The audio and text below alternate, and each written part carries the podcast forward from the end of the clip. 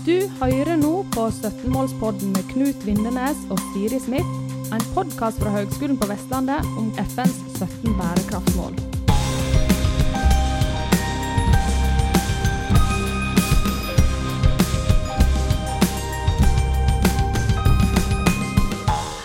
Kjære lyttere, velkommen til første episoden i 17-målspodden i 2023. Januarsalget er godt i gang etter en forbrukstopp i desember. Tall fra Statistisk sentralbyrå sier at vi i desember 2022 hadde 115 milliarder kroner i inkassogjeld. Nordmann bruker penger på alt mulig. Og etter en periode med god råd har vi lagt oss til dyre vaner. Med høyere, høyere priser på mat, strøm og økende renter, så har vi ikke råd til dette forbruket egentlig heller lenger. Og absolutt iallfall ikke fra et klima- og miljøperspektiv. Dette skal vi komme litt nærmere inn på i episoden. Men vi skal ikke snakke om personlig gjeld, men vi skal snakke om tekstilfloken, som er et resultat av vårt skyhøye klesforbruk. I studio i dag har vi med oss to gjester, nemlig daglig leder i Røde Kors tøy og tekstil, Kristin Wold. Velkommen til deg. Tusen takk. Og så Judith Jonstad Bragelien, vår kollega og høyskolelektor ved HVL. Velkommen til deg. Tusen takk. Og hei på deg, Knut. Hei på deg. ja, så utgangspunktet for uh, denne her samtalen i dag er altså artikkelen du skrev i Aftenposten, Kristin, uh, som du kalte for 'Gjenvinning er oppskrytt'. Og Der skriver du bl.a. at uh, 'jeg står midt i tekstilfloken og er forundret over at gjenvinning til stadighet seiler opp som løsning på problemet'. Så for å begynne bare litt kort, da. Hva er tekstilfloken egentlig? Tekstilfloken handler om at det produseres eh, veldig store mengder tekstiler og klær. Og det er ikke eh, det er ikke et marked for eh, den tekstilen som ikke kan gjenbrukes. Altså det som kan brukes på nytt igjen som klær, det er greit, det er det et stort og voksende marked for. Men eh, tekstiler og klær som eh, bare kan brukes én eller noen få ganger, det er det ikke noe marked for. Og det er det jeg skriver med den kronikken. Ja. Så hvor mange tonn med klesavfall er det vi har i, i året nå igjen, sånn cirka? Det er jo litt sånn uklart, da. Det kommer an på hva du mener med, med avfall. Men hvert år så kommer det ca. 80 000 tonn med klær og tekstiler inn til Norge, som blir importert. Fordi vi har jo en veldig liten tekstilindustri igjen i Norge, som importerer nesten alt vi trenger. og Det er ca. 80 000 tonn. Og så er innsamlerne i Norge, altså stort sett ideelle aktører som, som oss sjøl, Røde Kors, men de store aktørene er jo da Fretex og Uff og andre. Til sammen så samler vi inn et sted mellom 30 000 og 35 000 tonn klær i året. Det vil jo si at det er en, eh, det er en diskrepans her på sånn eh, 35 40 000 tonn, som da sannsynligvis eh, ligger i skapene til folk og eller går i restavfallet. Så det er veldig store mengder eh, tekstilavfall som genereres hvert år. Bare i Norge. Ja. Så dette her er en floke som vi nå har havnet oppi. Og ja, vi kan jo komme inn litt på det her artikkelen som du skrev. Knut, du hadde noen spørsmål rundt det? Ja, det er jo spennende å, å lese dette. Um, så, bruker du, til dels, du bruker til dels sterke formuleringer, da, og det skal man jo gjøre når man skriver innlegg. Så det er jo gøy. For eksempel så skriver du at gjenvinning er en katastrofe. Eh, og så skriver du også at eh, Det syns jeg var litt stilig, litt sånn artig eller kul formulering, faktisk. At inni et, uh, inni et avsnitt her så skriver du at uh, men en løsning er ikke en løsning før den løser noe. Og det er jo uh, interessant sagt. Men det med, det med, at gjenvinning er en katastrofe, kan du Ja, hva tenker du? er det så ille? altså, ja, jeg tenker at det er, det er en katastrofe. Ikke som, ikke som, praksis, fordi det er nødvendig praksis. Og, og gjenvinning er det behov for, for å kunne eh, bruke råvarer om igjen. Og det er en stadig økende råvaremangel. Så som praksis så er, er gjenvinning en katastrofe. Men som, som, konsept og som idé og som synsforlatelse, som jeg skriver også for et forbruk som, som har gått helt av hengslene, så er det en, en katastrofe. Altså, vi, løfter det, vi løfter det på en måte litt for høyt og, og, jager litt for mye etter det, mens vi burde ha det som en plan B, kanskje? da? Det er helt, det er helt riktig. og jeg tror, jeg tror, jeg tror dette har noe med at, at konseptet gjenvinning har så, så sterk appell. Um, det å først kunne, kunne, bruke noe, og så bidra til at det gjenoppstår i en annen form, eh, i en slags sånn tingenes reinkarnasjonsprosess, det, det gir oss håp for framtida. Og, og, og, og, det gir også konseptet veldig sterk følelsesmessig appell, som jeg tror er noe av grunnen til at det blir så løfta i, i alle mulige virkemidler. da i virkemiddelapparatet og blant, eh, og blant, eh, politikere. Det at det har denne sterke følelsesmessige appellen, og også det at det er knyttet til teknologi, som jo gjerne også er, er noe som har veldig, veldig, appell eh, når vi skal gjøre noe med Norge. Men um, det er ikke en løsning fordi det ikke løser noe. fordi per i dag så er ca. bare 1 av alle de klærne som, som settes på markedet, er laga av gamle klær. Så det er nesten ingenting. Ja, det er ikke mer enn 1 ja. Mm. ja, Det er litt å gå på. Og 1% er vel Har du løftet det med 1 så hadde vel Altså hver prosent vi, løser, vi løfter det med, er vel, ville vel bety betydelige volumer sånn globalt sett. Ja, åpenbart når det er så veldig store volumer det er snakk om. Men per i dag så, så, så blir ikke gamle klær til nye klær, selv om, selv om vi liker å tro det. Eh, ja, de tingene som du har på deg der det står gjenvunnet materiale, det er stort sett gjenvunnet plastflasker, og ja, ikke gamle klær. Der kom du til et poeng som jeg hadde tenkt å høre litt med deg. Eh, eh, mm. Det er jo, det er jo sånn at Når man, altså når man ja, panter flasker og sånn, så tenker man jo gjerne at ja, ja, her, nå, nå skaper vi uh, muligheter for, uh, for, nye klær. Eller at uh, ja, gjenvinning av plastflasker er bra for, for klesproduksjon. Men, men, det er ikke så enkelt. Altså Det er ikke så ukomplisert. Eller det, det er ulemper med det. Ja, og det handler jo om at når du sender plastflasker inn i eh, det kretsløpet som er meint for plastflasker, så er jo det flotte greier, fordi da blir det til nye plastflasker, og så holder man på. Så der er det jo mer eller mindre en, eh, en, en lukka sirkel. Men når du tar plastflasker ut av det kretsløpet som de, um, som de har, kan potensielt være en del i, å sende de inn i et nytt kretsløp, som er tekstilkretsløpet, så fratar du dem muligheten veldig ofte til å bli gjenvunnet mer enn en gang til. Fordi at uh, disse prosessene det, det forringer kvaliteten, um, sånn at du kan ikke fortsette å gjenvinne og gjenvinne og gjenvinne. Så du får et, et, um, en, en, nedadgående spiral da, på, på, kvaliteten på produktene, som jo, som jo, også er et problem som, som, teknologien ikke har løst for oss. Da. Ja, For du taper noe ved å gå fra én prosess med resirkulering til en, til en annen på en hovedprosess. Det ja. kan, jeg, kan, jeg, skjønne som ingeniør. mm, ja, du gjør det, altså. Mm. Bare jeg hadde, må gå litt inn på det teknologien, men før vi gjør det, så, så jeg bare lurte jeg på om du kunne bare gå inn på dette med en følelsesmessig appell. Det er jo litt interessant. sant? Hva er det som eh, blir skapt i oss eller trigger oss eh, når, når du tenker på, på akkurat det? Jeg tror det snakker til det snakker til oss fordi det forteller oss at forbruk ikke er så farlig. Um, at du kan, uh, du kan, forbruke det i en form, og så kan det gå videre og bli forbrukt i en annen form etterpå. Um, sånn at den ressursutnyttelsen det du tar ut, blir ikke så nøye lenger. Fordi at du, du lager et hjul oppi hodet ditt om at det, det, er ikke så nøye, fordi når jeg er ferdig med det, så kan jeg kan jeg legge det inn i en boks, og så blir det automatisk til noe annet flott. Uh, og det, det, er klart at det, at det ønsker vi oss, at det ikke skal være farlig uh, å forbruke. fordi vi, vi, vet jo alle at vi forbruker for mye og for ofte.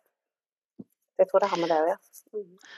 Ja, sant. Og da, og da, henger ikke det, det som vi sier til oss sjøl, at uh, dette er greit. Vi har kjøpt synsforlatelse, som du sa, fordi at vi har ikke ennå teknologi eller materialer nok til faktisk gjøre den eh, gjenvinningen som skal til.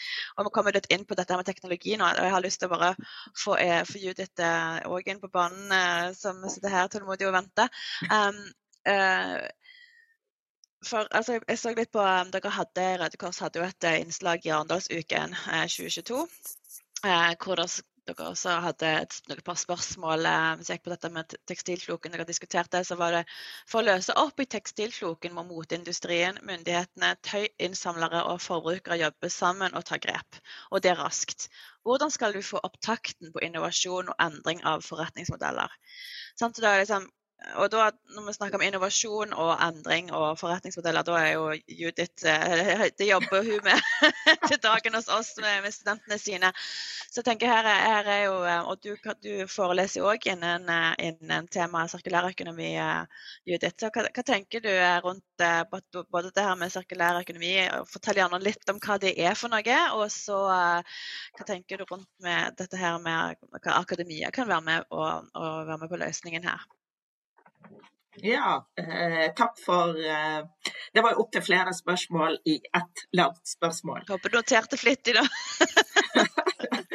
jo, altså eh, hvis en eh, skal gå eh, løs på spørsmål 1A, da.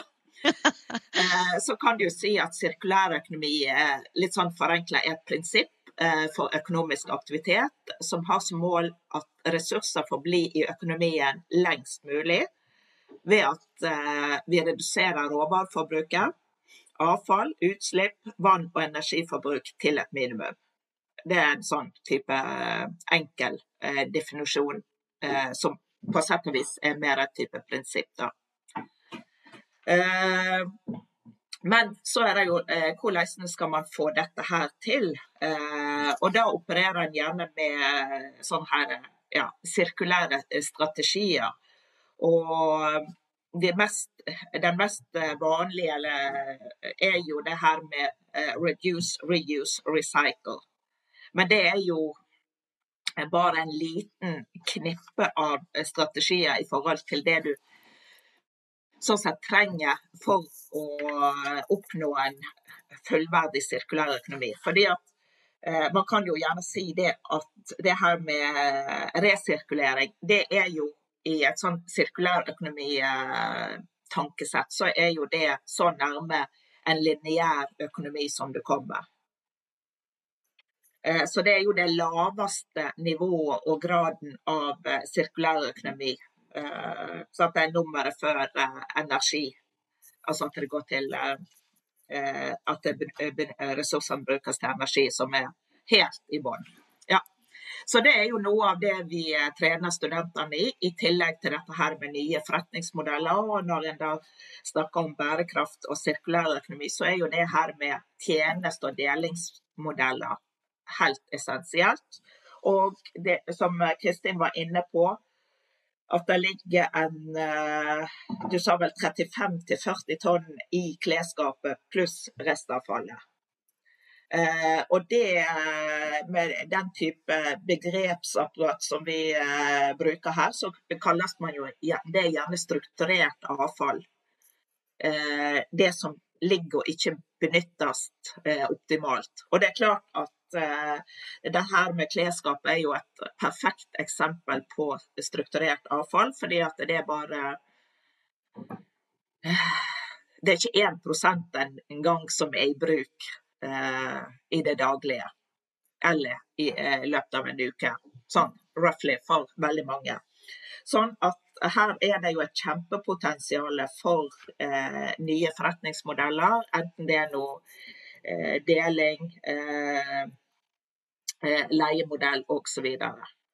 Uh, og så var det et sånn uh, lille spørsmål hva vi gjør uh, innenfor akademia. Jo, vi trener jo studentene i å bruke eh, sirkulære prinsipp for å eh, utvikle nye forretningsmodeller og finne løsninger på eh, noen av de store problemene i samfunnet, både i dag og i morgen. Og ved siden av det så er det klart at det å jobbe med at nye løsninger får økt oppmerksomhet, det er også litt av Sånn at vi jobber med kunnskap, vi jobber med ferdigheter, men også å løfte oppmerksomheten rundt sirkulær økonomi og de problemstillingene som vi har rundt oss. Det var kanskje svar på et par av spørsmålene. Det var ABC. Det var veldig bra. Det var veldig flott. Eh, så, så tilbake til sirkulær eh, teknologi um, og dette her med innovasjon òg. Hvor langt uh, er vi egentlig kommet? Uh, da kan jeg stille spørsmål til alle tre, kanskje, men Kristin som er mest oppdatert på, på dette her. Så du sier det er så, så, liten del av tekstilene vi bruker som faktisk kan gjenbrukes. Så er det ingenting å gjøre med det? Det er veldig mye av det som kan gjenbrukes, men gjenvinnes derimot er det veldig lite som, veldig lite som, som blir gjort i dag. Da. Når vi samler inn tøy for det norske markedet, så går mesteparten av det går ut på et globalt gjenbruksmarked, fordi gjenbruksmarkedet i Norge er veldig lite. Så mesteparten går ut på et globalt marked og gjenbruker ca. 80 Eh, av det som er samlet inn. Så det er en veldig høy gjenbruksgrad, men den er avhengig av at det er et globalt marked. Eh, hvis vi skulle eh, eh, solgt og eh, gjenbrukt klær her i Norge, så er det snakk om ca. 3% av det som, eh, som, samles inn, som gjenbrukes i Norge. Så det markedet i Norge er, er veldig lite. og så er det den gjenvinningsbiten. Når man snakker om gjenvinning av klær, så er det man egentlig snakker om er stort sett såkalt downcycling. Dvs. Si at klærne blir brukt til noe um, annet. De blir ikke til nye klær, men de blir malt opp, brukt i uh, isolasjon i biler. De blir brukt som fyll i møbler, de blir brukt som fyll i fullmasse i betong, altså såkalte industriformål, da, eller filler. Ble det brukt i veldig stor grad. Og det er altså ca. bare 1% som går til, til, nye klær. Og dette handler om veldig, et veldig umodent felt en veldig umoden teknologi som har kommet mye kortere enn det folk tror. Så her har vi et ganske sjeldent eksempel på at folks atferd eh, ligger foran teknologiutviklingen, egentlig. Fordi at vi, vi oppfører oss som om eh, det er en teknologi på plass som faktisk ikke er der. Mm. Men Kristian, eh, jeg har lest litt opp eh, i forkant av Fratna, så så jeg at vi har, vi har gjort noen forsøk i, i Norge og, og, mange steder i verden har man eh, tror jeg, gjort, jobbet med dette. Det romer ikke så i, i en NRK-reportasje fra i fjor at der, der har man mislyktes fordi at maskinene rett og slett Altså, altså, rett og slett tekstilene setter seg fast i maskinene der de skal sorteres. Så man, man snubler på en måte litt i det basale, virker det som. Eh, og så så jeg at i Malmö i Sverige så, så har man kommet en del eh, lengre. Men, men, men ja, du har sikkert litt kjennskap til det, til det de holder på med der òg. Eh, hva, hva, vil du ha din kommentar? Altså, ligger det et håp i ja, Ligger svenskene såpass foran oss at, at, det er virkelig håp å feste til den, til den teknologiutviklingen der, eller, eller, hvordan tror du det ligger an? Det er komplisert fordi uh, den type teknologi som, uh, som Siptex og disse aktørene, svenske aktørene jobber med, det krever veldig mye jobb på forhånd. Altså, de er avhengig av at, uh, av at tekstilene er, er forsortert, og at man har kontroll, i ganske stor grad kontroll på hvilke kvaliteter man sender inn i anleggene. Um, og all den tid det er så dyrt med manuell forsortering i et høykostland, uh, så er det vanskelig å se for seg hvordan du skal få til en storskala løsning. Um, men det er klart at så lenge du kan foreta en, en uh, forhåndssortering, så uh, kan du etter hvert se for deg at du vil kunne sende tilbake noe av, av disse materialene til å produsere nye materialer, sånn som de jobber med der. Absolutt. Men det krever det krever veldig mye i forkant. for Hvis du bare sender inn rått og råde, så går alt i stå. Så man løser ikke det, den forsorteringen teknologisk eh, også? Eller er det, er det, er det planer eh, om det eventuelt på eh, skissestadiet å bruke teknologi til det også, eventuelt?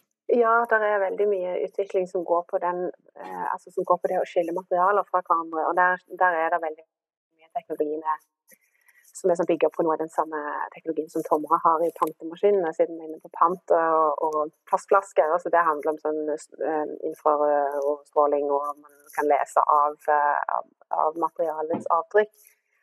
Men eh, det der ennå ikke er funnet opp en maskin som kan gjøre, er en maskin som kan fortelle deg om et plagg har gjenbrukskvalitet. altså det vil si, er det noen som vil bruke denne om igjen som den genseren det er.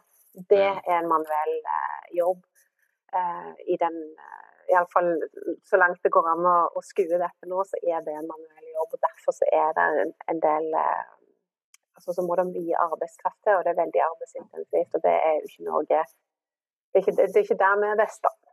Men finnes det ikke bare sånn nysgjerrighet finnes det ikke altså du har jo, vi, vi har jo mobiltelefonene våre der vi har eh, diverse apper sant, for eh, video eh, ja, Hva kaller man det da? Sant? Altså Man manipulerer eh, videobildene. Altså Finnes det ikke teknologier for å eh, analysere eh, bilder av klær og, og, og, på en måte gjøre en slags litt mer avansert vurdering eh, av hvordan For jeg forstår det at det er mer sammensatt vurdering som må gjøres. Det er ikke bare å se om, om en genser er hel eller ikke. Det er på en måte en, en slags vurdering om den, om den, kan egne seg på, på litt mer sammensatt måte.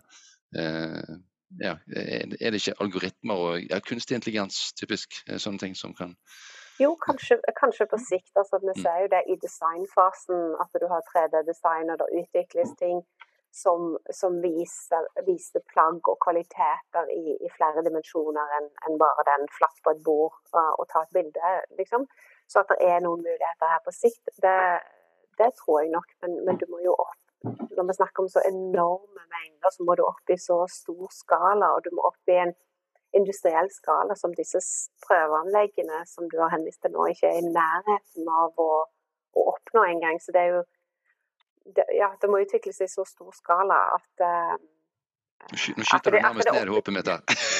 ja, nei, det, men det, opp, det, oppleves et stykke fram, da, for å si det forsiktig. Men at det er muligheter der, åpenbart. Okay. Ja. Judith, Jo, eh, den tankerekka om at det er et stykke fram, eh, den kan jeg nok eh, støtte. Men at, eh, som Knut er inne på, at vi ser eh, AI komme eh, ja, eh, raskt og kan løse til og med eksamensoppgaver sånn at eh, ja. Eh, ja, men det er ikke der. Men, og de her prøveprosjektene det er i liten skala. Men så vil jeg litt tilbake til der vi var for en stund siden i forhold til dette her med åpne og lukka kretsløp. For der er det vel litt sånn at eh, vi skiller mellom eh, Så lenge det kan gå i et lukka kretsløp, er det, eh, som du var inne på, Kristin, flott. Men det kommer også litt an på eh, hva dette her råvarene blir til i neste omgang, og hva type varighet. For det er klart at hvis eh, tekstilressurser blir produsert til en vare som kan vare i 30 år, f.eks.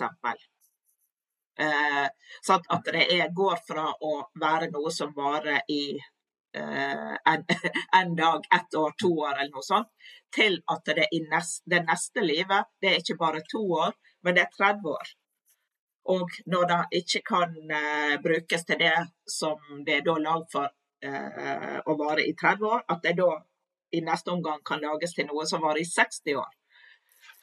Så det har litt med hva du produserer av det her, og hva type varighet har det eh, produktet, den løsninga.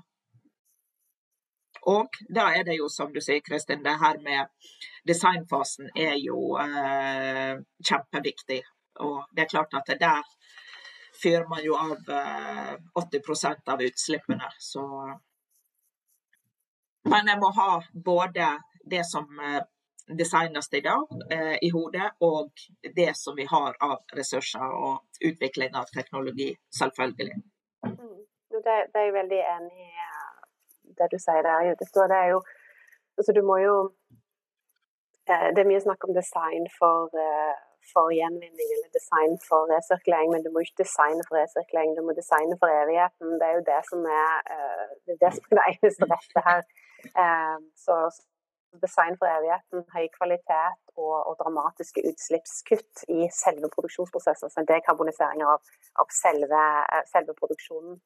Eh, hvis du klarer å få til de tre tingene, så, så har du jo løst, eh, løst, mye av dette før du kommer før du roter deg inn i den tekstilfloken som vi starter mm. med. Da. Jeg ser at det er mye å ta tak i her. Så det her er det mange potensielle studentoppgaver og andre oppgaver som kan eh, tas tak i. Så det må jo være et potensial for uh, sysselsetting framover. Men uh, så til slutt her uh, Vi må gå inn for alle andre etter hvert. Så da tenkte jeg bare på um, For oss som privatpersoner Uh, og nå var jeg Innledningsvis så snakket vi om dette med forbruk. Sant? så det er klart at En god ting er at man uh, rett og slett bare kjøper mindre klær. Uh, men sånn, når det er sagt, hva kan våre ansatte og studenter og andre utenfor her som hører på podkasten, hva, hva, kan de gjøre sånn lavterskel nå videre for å hjelpe til med å løse opp litt i tekstilfloken, Kristin? Det er jo eh, det vi har vært inne på da, med å, å kjøpe og bruke med måte. Um, så tenke på at det, det, du kjøper skal vare, og det skal dekke mange funksjoner. Um, og når du ikke kan eller vil bruke det lenger, at du gir det videre med hjertet fin oppfordring eh, der. Og i andre, i andre enden at vi òg kanskje åpner litt for å kjøpe gjenbruksklær òg. Eh, Vi har vært litt inne på det, at i Norge er ikke det så mange som, eh, har, eh, som går den veien. Selv om det er en økning etter hvert. Det er mer og mer fokus på det, alt fra kongelige og andre. Jeg går jo foran med gode eksempler.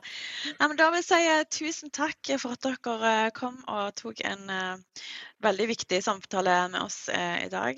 Spesielt til Kristin uh, Wold fra Røde Kors og Judith og Knut. Så da sier jeg takk for i dag, og takk for at dere bidro. Takk for i dag. Takk for i dag.